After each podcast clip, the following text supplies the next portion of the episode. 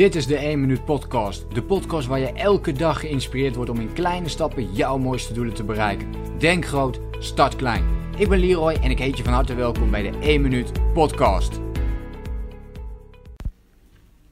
Hey, tof dat je meeluistert naar een nieuwe podcast. En dit wordt de laatste podcast van dit jaar. Dus schrik niet, ik ga gewoon in het volgende jaar natuurlijk hiermee door. Maar dit is wel de laatste podcast van 2020.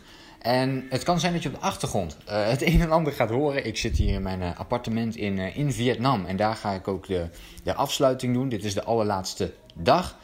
En ik moet hem eigenlijk nu wel opnemen. En ja, de, de pech wil dat ja, hierin het gebouw op dit moment de, de landlord, dus de huiseigenaar van dit appartementengebouw, eh, ervoor heeft gekozen om karaoke te gaan houden. Dus als je iets op de achtergrond hoort, dan is dat karaoke muziek. En dat is normaal gesproken ook uh, ja, vrij hard. Gelukkig is dit appartement wel aardig goed geïsoleerd van, van geluid, dus dat scheelt. Maar mocht je dus iets op de achtergrond horen, dan is het dat. En ik kan hem eigenlijk ook niet meer later opnemen dan nu.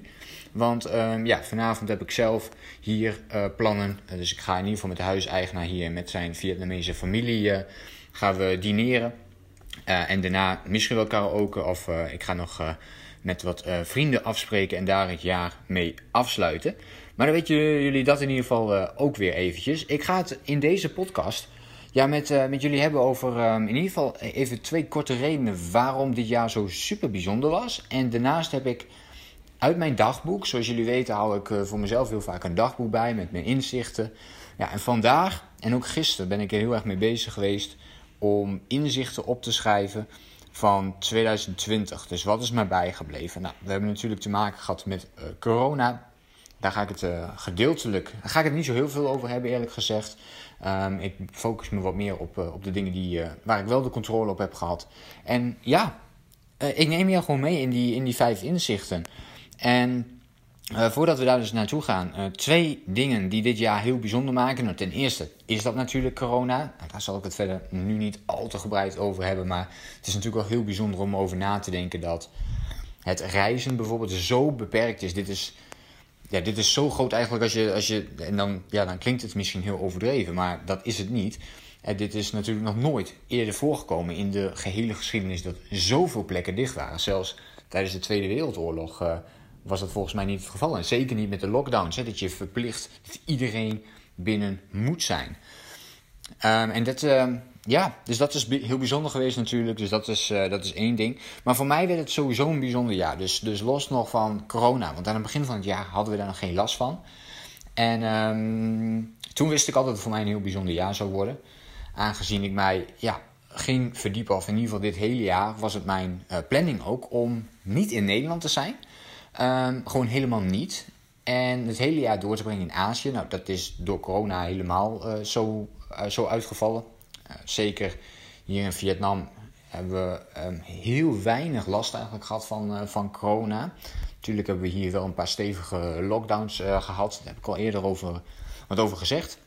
Maar goed, de, dat is allemaal niet zo heel interessant om nu te weten voor mij dus wel een goede keuze is om hier te blijven. Um, hier kan ik gewoon alles blijven doen. Wat ik al zei, ik kan vanavond kan ik gaan dineren met mensen. Ik kan, ik kan als ik wil, kan ik naar een New Year's Eve uh, feest gaan. Dus uh, dat kan allemaal. En daar ben ik heel blij, dankbaar mee. En ja, uiteindelijk ook goed en uiteindelijk achteraf gezien een goede keuze gemaakt door in Vietnam te blijven. En dat zal voorlopig ja, met alle corona-dingen uh, ook nog wel even zo zijn. Het tweede punt, waarom dit jaar dus zo bijzonder voor mij is, is, is, is dat. Is dat ik mijn eerste volledige jaar heb gehad als digital nomad. Een aantal van mijn inzichten gaan ook, uh, gaan ook daarover. Um, en die kun je heel mooi wel omzetten of vertalen naar, uh, naar je eigen leven. Um, en dat, dat, is, dat is wat het eerste jaar is geweest. Dus dit is mijn eerste volledige jaar geweest waarin ik leef als digital nomad. nou ja, nu is dat dus heel erg vanuit één plek geweest, Da Nang, Vietnam waar ik heel blij mee ben.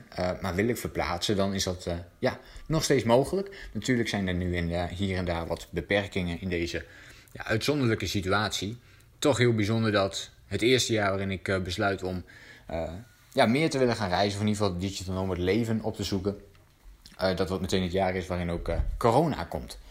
Oké, laten wij gaan kijken naar de vijf grootste inzichten uit 2020. Ik heb echt een hele lijst gemaakt, overigens, in mijn dagboek.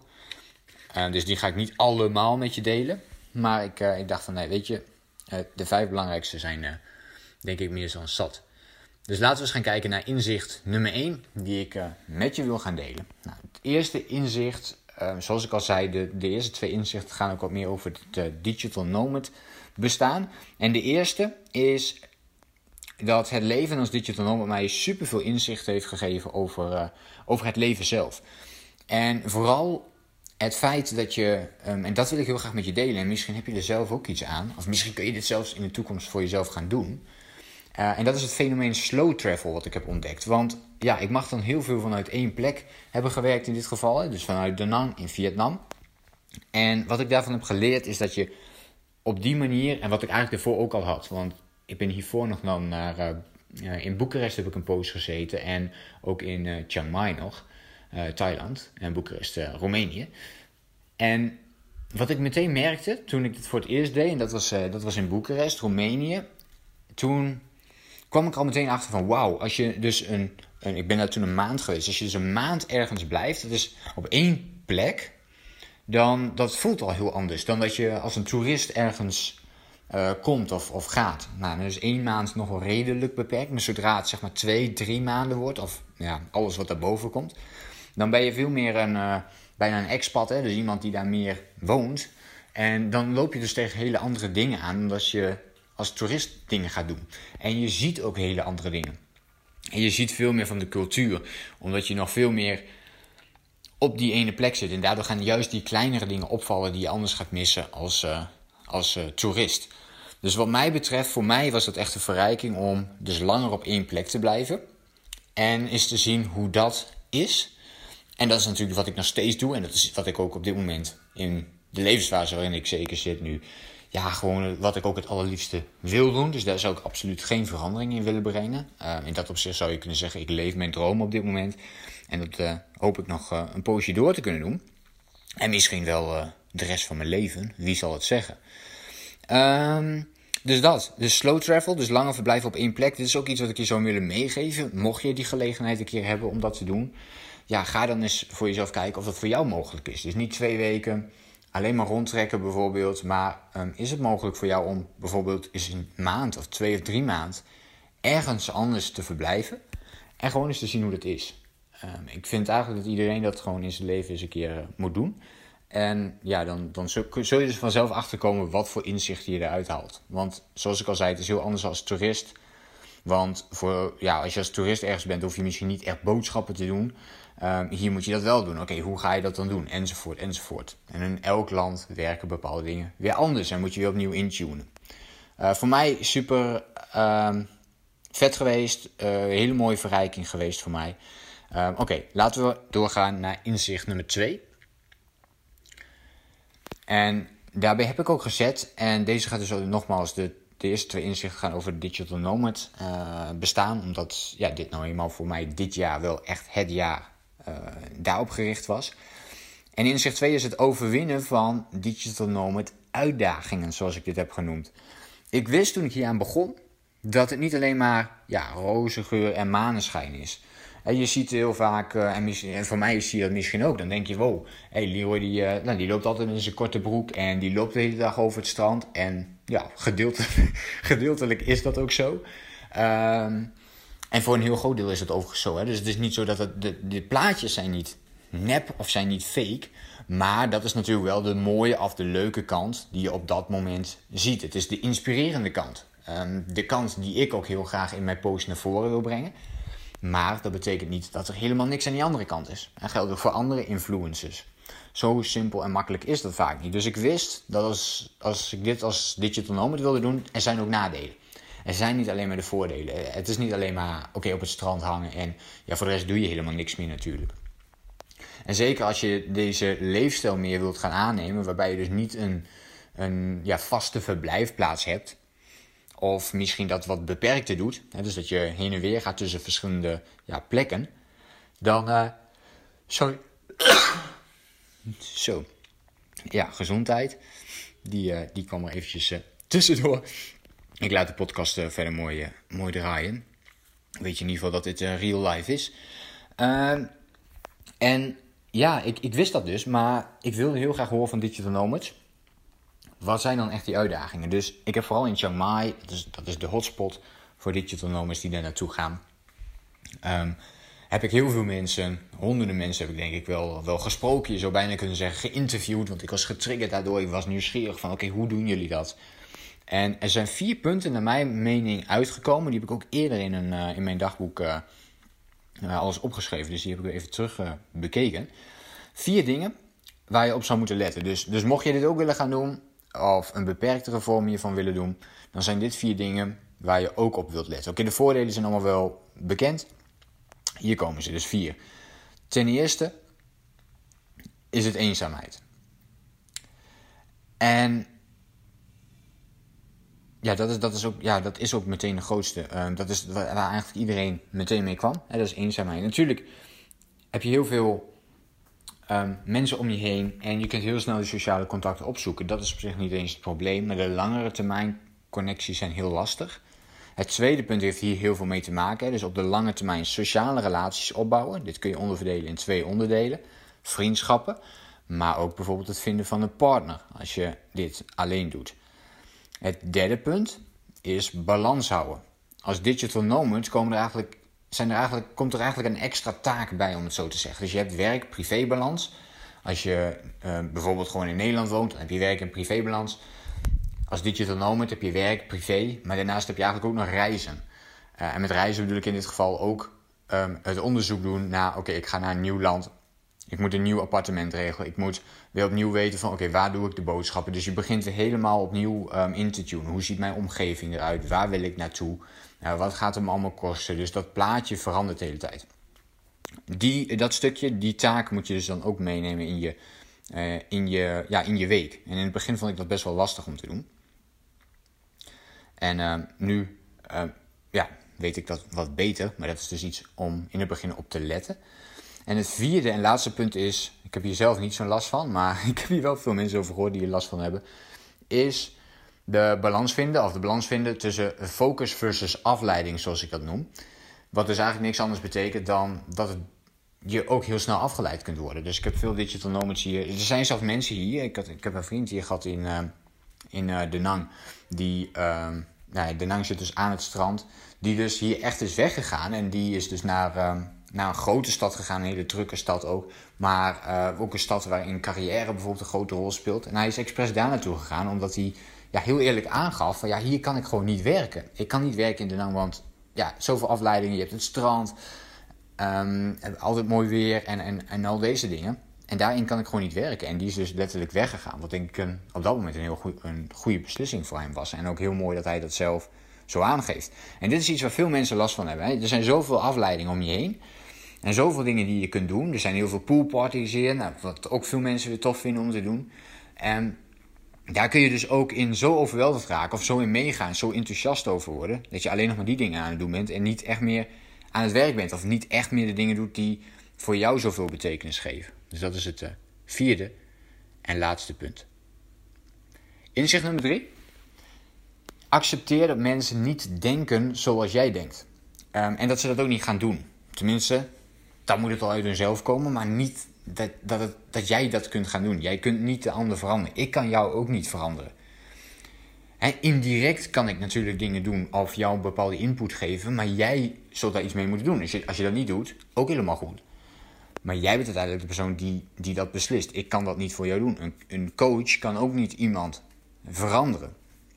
Dat is uiteindelijk iets wat, wat diep van die persoon zelf binnen moet komen. Ik kan wel helpen, ik kan wel tools aanreiken, maar uiteindelijk is het aan een ander om dat ook daadwerkelijk te doen. En dit is voor mij wel een grote geweest, want een van de dingen waar ik uh, nou, tegenop zag is een groot woord, maar uh, toen ik wegging, en dan verlaat je natuurlijk familie, vrienden in, in Nederland bijvoorbeeld, toen dacht ik wel van ja, weet je, ik heb straks al die toffe ervaringen, maar ik kan het eigenlijk met helemaal niemand delen. En dit gebeurt regelmatig, ook als ik hier weer mooie trips maak, denk ik, wow, dit is super vet. En dan kan ik het eigenlijk met niemand delen, want ik doe het dan uh, zelf. Je kunt het natuurlijk ook in een, in een groep doen hier weer, maar dan deel je het op dat moment met die persoon en daarna is die persoon ook weer uit je leven of is die weer weg. En dat zette me aan het denken, oké, dus in het begin had ik zoiets van, weet je, misschien moet ik toch af en toe dingen delen. En nu ben ik een beetje op zo'n punt gekomen waarin dat niet per se meer hoeft. Want dat is vaak het verschil. Ik ben uh, in een compleet, ik zit in een compleet andere leefstijl dan mijn familie of mijn vrienden. En zij kunnen niet begrijpen, zij kunnen niet voelen wat ik op dat moment voel. Dat is heel logisch. En toch um, dacht ik van, weet je, ik moet al die verhalen vertellen, want uh, ja, super vet, ik ben er enthousiast over. En dan krijg je misschien niet die hele enthousiaste reactie terug. Dus ik heb geleerd om dat veel meer in te dampen. En af en toe gewoon wel eens wat te delen, maar daar gewoon de balans in te vinden. En voor mezelf in ieder geval niet meer de verwachting te hebben dat een ander ja, daar um, op zit te wachten, om het zo te zeggen. Als er vragen over komen, dan kan ik natuurlijk veel meer daarover gaan vertellen. Maar het is in eerste instantie niet meer zo dat ik het per se moet delen. Ik hou het veel meer voor mezelf. Geniet op dat moment. En dat is dan uh, genoeg. En dat is wat het is. En kijk ook eens voor jezelf als jij hier ook mee uh, te maken hebt. Hè. Dus verwachtingen die jij misschien van een ander hebt, waarin je misschien moet accepteren dat, ja, dat die persoon zo is. En dat je dat dus niet gaat veranderen, maar dat je ook die verwachting niet meer hebt. Goed, ik hoop dat die duidelijk is. Inzicht 4. Perspectief kijken maakt je altijd positief. Uh, heb ik hier opgeschreven in mijn dagboek. En deze is denk ik heel, heel mooi voor jezelf. Uh, misschien heb je het nu heel moeilijk bijvoorbeeld door de coronacrisis. En denk je, ah, alles, is, alles is kloten. Alles is, uh, ja, alles is gewoon echt kloten. Maar tegelijkertijd kun je het ook weer in perspectief zien. En ik zit hier nu in Vietnam, dus ik zie het hier ook letterlijk. Um, en hier zijn, wij zouden zo gezegend moeten zijn eigenlijk dat we in Nederland zijn opgegroeid. We hebben veel meer mogelijkheden. We hebben veel meer um, rijkdom, zelfs letterlijk. Maar ook veel meer mogelijkheden. Veel meer keuzes die we kunnen maken om een positieve bijdrage aan de wereld te leveren. En door dingen in perspectief te zien, zou je hier voor jezelf aan kunnen werken. Dus als je denkt, hey, ik voel me nu super kloten. Um, ga dan eens gewoon voor het gemak googlen.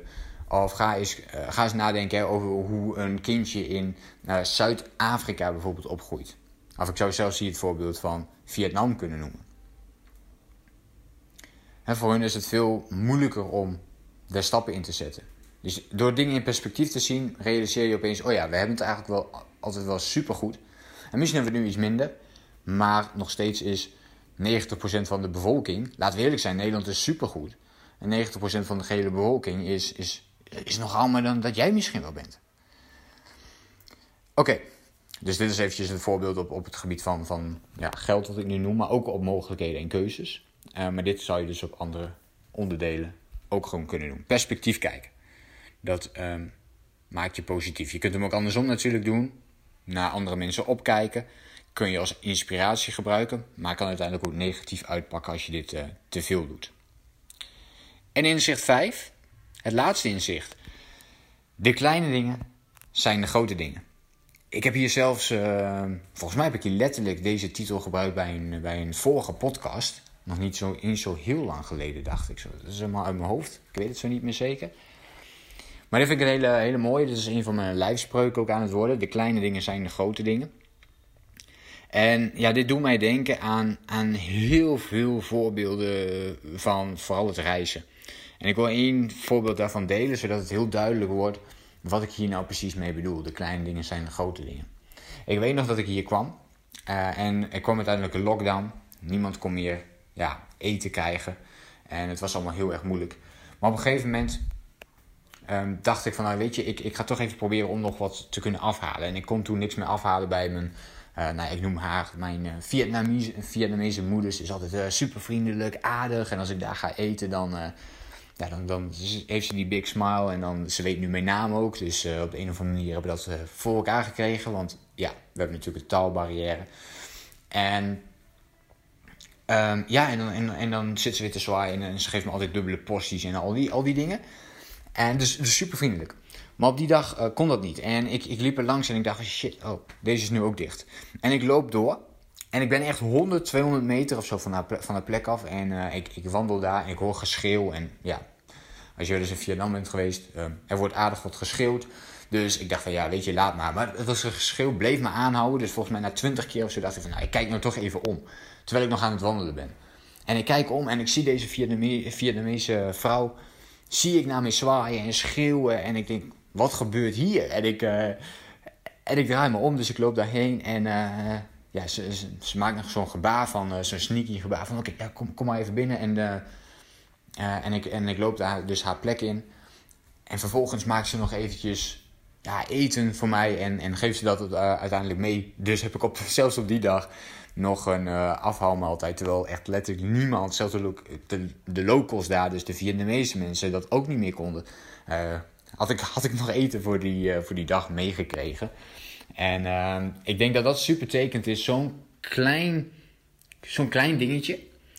En eigenlijk is dit al een veel groter dingetje. Want het kleine dingetje begint eigenlijk al bij het feit dat als ik normaal naar haar toe ga, dat zij gewoon die glimlach heeft. En dat ik denk van, ah, dit is leuk. Mooie vrouw, leuke vrouw.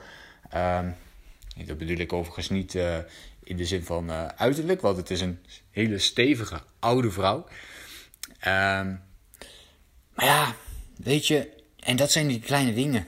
En meestal, voor mij geldt het heel erg dat ik heel erg kan genieten van een glimlach op dat moment van iemand.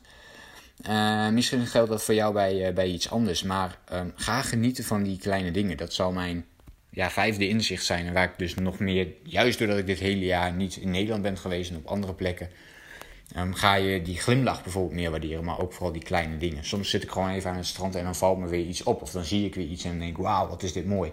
En dan voel ik dat ook echt in mijn lichaam op dat moment. En ja, een soort van intens geluk wat dan naar boven komt. Nou, ik weet zeker dat je het zelf ook wel eens hebt gevoeld. Um, ik denk een heel mooi voorbeeldje is ook bijvoorbeeld als je op vakantie bent en je ziet dan de zonsopkomst of de zonsondergang. Dat is ook zo'n momentje dat je, dat je dat even voelt. Oké, dat waren mijn vijf grootste inzichten. Ik heb nog wel een paar andere dingetjes die ik uh, ook nog gewoon even met je wil delen. Zo krijg je ook een idee van hoe ik um, mijn terugblik van het afgelopen jaar iedere keer, uh, iedere keer doe. Dus even een paar dingetjes die ik ook nog, en, en dit zijn echt maar een paar dingen, ik kan, ik kan hier nog zoveel dingen over opnoemen, maar uh, dit is wat het is. Um, ik bezorg dit jaar nog, voor corona was dit uiteraard, het grootste Digital Nomad event ter wereld. Uh, deze werd gehouden in Chiang Mai en ik was daar op dat moment, Nomad Summit 2020 was dat. super inspirerend om vooral veel gelijkgestemden te ontmoeten van ja, letterlijk overal ter wereld. In Thailand, ben ik in het begin nog geweest voordat ik naar Vietnam kwam. In Thailand en Vietnam maakte ik ja, schitterende dagtrips met de scooter. En ik maakte langere uitjes, korte vakanties bijvoorbeeld. Dalat is een bergstad in Vietnam wat, wat echt super mooi was. En waar je echt uren alleen maar in de natuur rijdt zonder dat je eigenlijk verder iemand tegenkomt. Wat, wat echt heel ja, rustgevend is. Ik, ik zeg wel eens soms, dan, dan zit je op dat moment gewoon te mediteren bijna op op de scooter af. Zo voelt dat. Dat is een soortgelijk gevoel wat je op dat moment ervaart. Mijn YouTube-kanaal, en dat geldt ook voor mijn uh, podcast, dus bedankt voor jou, bedankt luisteraar. Um, zijn zowel dus, dus beide, dus mijn YouTube-kanaal en mijn 1 minuut podcast, zijn uh, verdubbeld, zijn meer dan verdubbeld zelfs. in vormen van abonnees en in, in volgers. Het YouTube-kanaal zit inmiddels al aardig boven de 2000 abonnees. En de 1 minuut podcast zit volgens mij nu op iets van meer dan uh, duizend luisteraars die we hebben. Um, elke podcast wordt in ieder geval uh, door honderden mensen bekeken. En dat zegt dus alweer genoeg, want nu weet ik ook...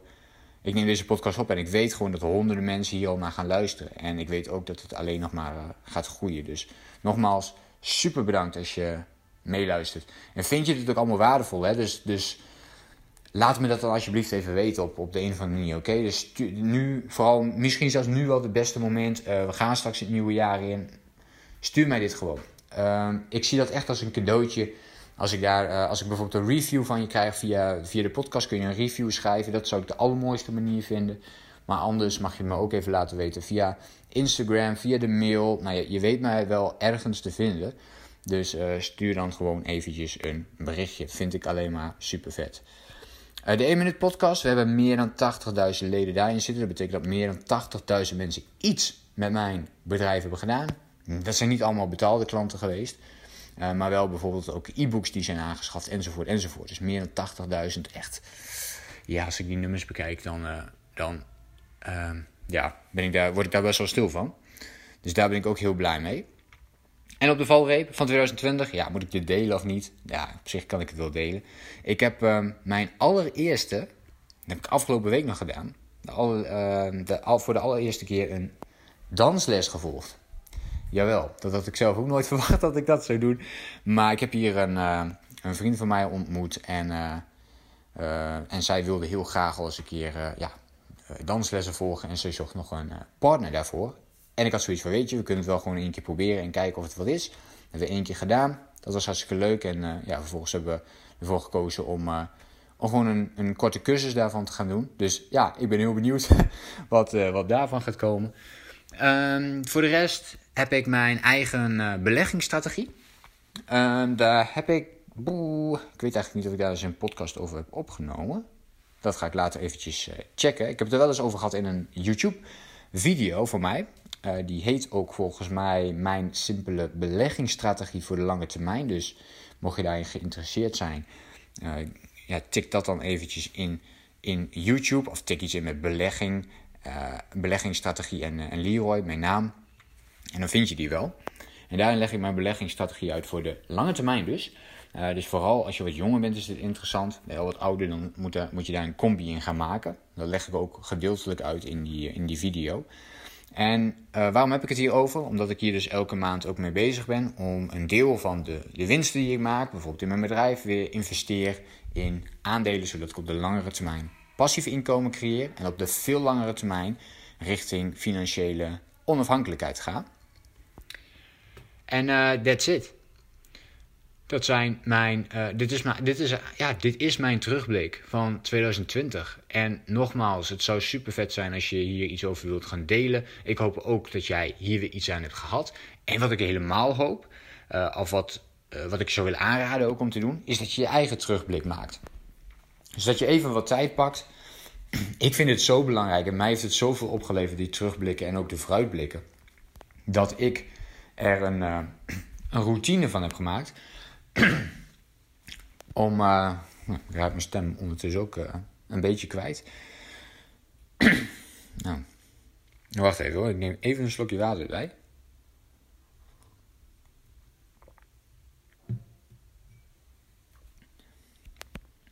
Even kijken of ik zo het uh, einde kan, kan afmaken. Ja, dat moet wel goed komen, maar eventjes iets in de keel zitten. Um, ja, dus, ja, dus wat ik hoop is dat je voor jezelf die terugblik ook gaat doen. Dus gewoon de vraag stelt van wat heb ik nou... Wat zijn nou jouw inzichten geweest vanuit 2020? Welke doelen heb je voor jezelf gerealiseerd? En kijk ook meteen vooruit van oké, wat zijn nu de dingen die ik in 2021 wil gaan realiseren? Ik denk dat ik genoeg heb verteld. En nogmaals, ik, uh, ik hoop dat jij, uh, ondanks alles, en ondanks de in het algemeen moeilijkere periode voor veel mensen, dat jij je er of helemaal doorheen hebt geworsteld, of, of als je er nu nog mee bezig bent, dat je jezelf mentaal uh, sterk houdt. Ik heb daar ook veel tips over uh, gemaakt al. Uh, ik zal daar nog podcasts over gaan opnemen. Ik heb daar ook al podcasts over opgenomen. Dus check die dan ook even voor tips om mentaal gezond te blijven. Ik heb daar ook YouTube-video's over gemaakt. Dus check dat allemaal gewoon. Als je, en dan hoop ik dat je dat natuurlijk verder kan helpen. En dan hoop ik natuurlijk dat 2021 een geweldig en fantastisch jaar voor jou gaat worden. Uh, het is hier inmiddels. Even kijken. Ja, het loopt hier tegen de, tegen de avond aan. En uh, ja, dat betekent dat ik mij ga opmaken voor een leuke, gezellige avond. En ik hoop dat uh, jij dat ook gaat doen. En dan wens ik jou en uh, alvast voor dit moment uh, de allerbeste wensen toe voor 2021. En ik hoop dat je me dan weer blijft volgen. En uh, dat we hele mooie dingen weer mogen gaan neerzetten. Voor nu zeg ik: denk groot, start klein.